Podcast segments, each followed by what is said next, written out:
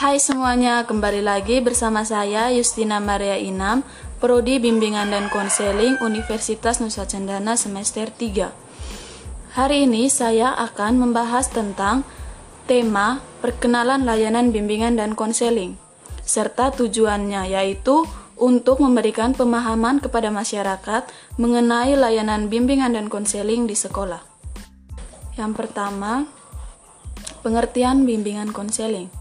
Bimbingan dan konseling adalah proses interaksi antara konselor dengan konseli, baik secara langsung maupun tidak langsung, dalam rangka untuk membantu konseli agar dapat mengembangkan potensi dirinya ataupun memecahkan permasalahan yang dialaminya.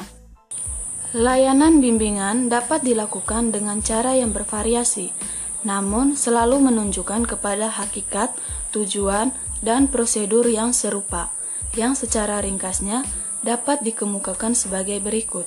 Yang pertama, layanan bimbingan merupakan bantuan yang diberikan kepada individu.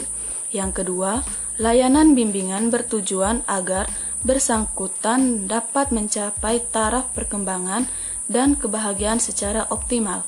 Yang ketiga, dengan layanan bimbingan, kita dapat menjalani proses pengenalan, pemahaman, penerimaan, pengarahan, perwujudan, serta penyesuaian diri, baik terhadap dirinya sendiri maupun terhadap lingkungannya. Layanan bimbingan dan konseling merupakan proses pemberian bantuan yang diberikan kepada siswa secara terus-menerus agar tercapai kemandirian dalam pemahaman diri, sehingga siswa mampu sanggup mengarahkan dirinya sesuai dengan tuntutan dan keadaan lingkungan sekolah, keluarga, dan masyarakat.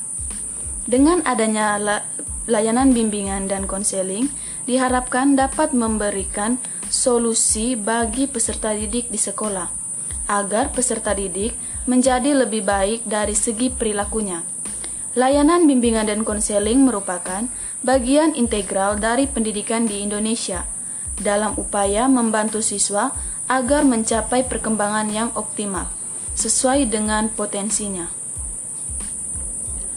Oleh karena itu, pelaksanaan bimbingan dan konseling di sekolah menjadi tanggung jawab bersama antara personal sekolah, yaitu kepala sekolah, guru, konselor, dan pengawas.